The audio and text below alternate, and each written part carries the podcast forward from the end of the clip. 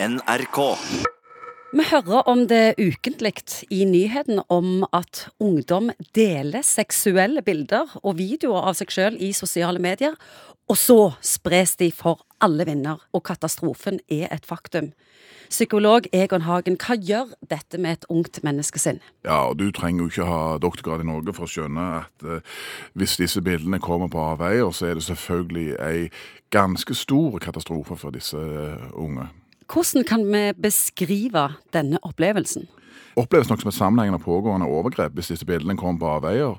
Og Noe av problemet er jo selvfølgelig at veldig mange opplever dette som flaut, sånn at det er ingen å søke hjelp hos. Og, og iallfall ikke mor og far, for det er ekstra flaut. Nei, akkurat. og Det er jo det er to ting her. Det ene er selvfølgelig det som forebygging før dette. Send aldri av gårde bilder av kroppen din til noen som du ikke kan vise til mor og far. Det er en god måte å trygteste dette.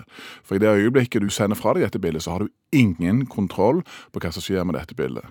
Men så har skaden skjedd, og det er kanskje noen som presse ungdommen? Det jeg pleier å si da, at Hvis det er sånn at du er kommet i en sånn situasjon at du har levert av gårde et bilde med, si, med trutmunn, og hvor du på en måte Frekker deg til? Frekker deg til, ja. Sant? Og så begynner dette, og begynner du å bli pressa på dette, så vil jeg bare tatt tapet med en gang.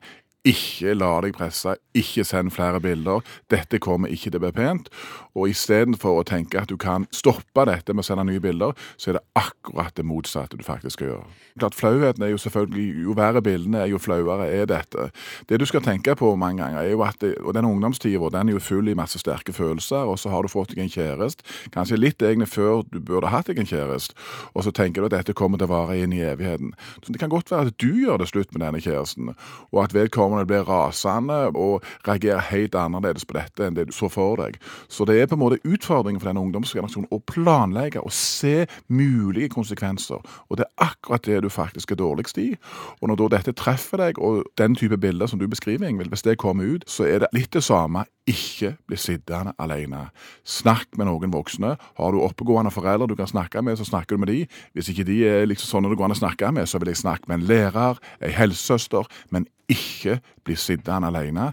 Det er flaut, men det går over og du kjenner på skyld og skam, hvordan lever en med dette? Det er jo et tap ja, av ansikt, ja, absolutt, verdighet og absolutt, alt som er Absolutt. Klart at er, I en sånn situasjon så er det ekstremt flaut. Fordi at du har akkurat liksom begynt å oppdage kanskje egen seksualitet, eller den virkningen som du kan ha på det motsatte kjønn. Og dette tror du kanskje ikke mor og far er klar over. sånn at den flauhet og skammen er jo selvfølgelig enormt sterke.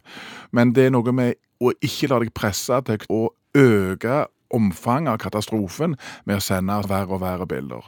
Altså Det er mye lettere å forebygge dette enn å reparere det, eh, og så er det på en måte ikke bli sittende alene. Ikke overlat livsskjebnen din i fanget på en annen ungdom. Burde sosiale medier blitt eget fag? Ja, jeg tror ikke det er oss, eh, oss, gamlinger som skal undervise i det faget heller, faktisk. Jeg tror at ungdommen gjør seg jo nå noen sånne, kan du si, noen, får seg noen skrubbsår, noen sånne oppstartsproblemer, egentlig, tror jeg. Om en stund så vil denne generasjonen være mye råere på å håndtere denne ting, faktisk, enn noen andre. Noe av problemet med dette er jo ofte det at det kan være utsatte, ensomme unger som kan bli plukket opp i disse ulike sosiale mediene, og som trenger bekreftelse, som trenger skrøyten, som trenger alt den innledende smigeren og som gjør egentlig at du kan bli fanga i denne honningfella og tenke at siden han er så hyggelig på andre sida, så skal du må iallfall sende et veldig hyggelig bilde tilbake igjen. Og da er driten begynt.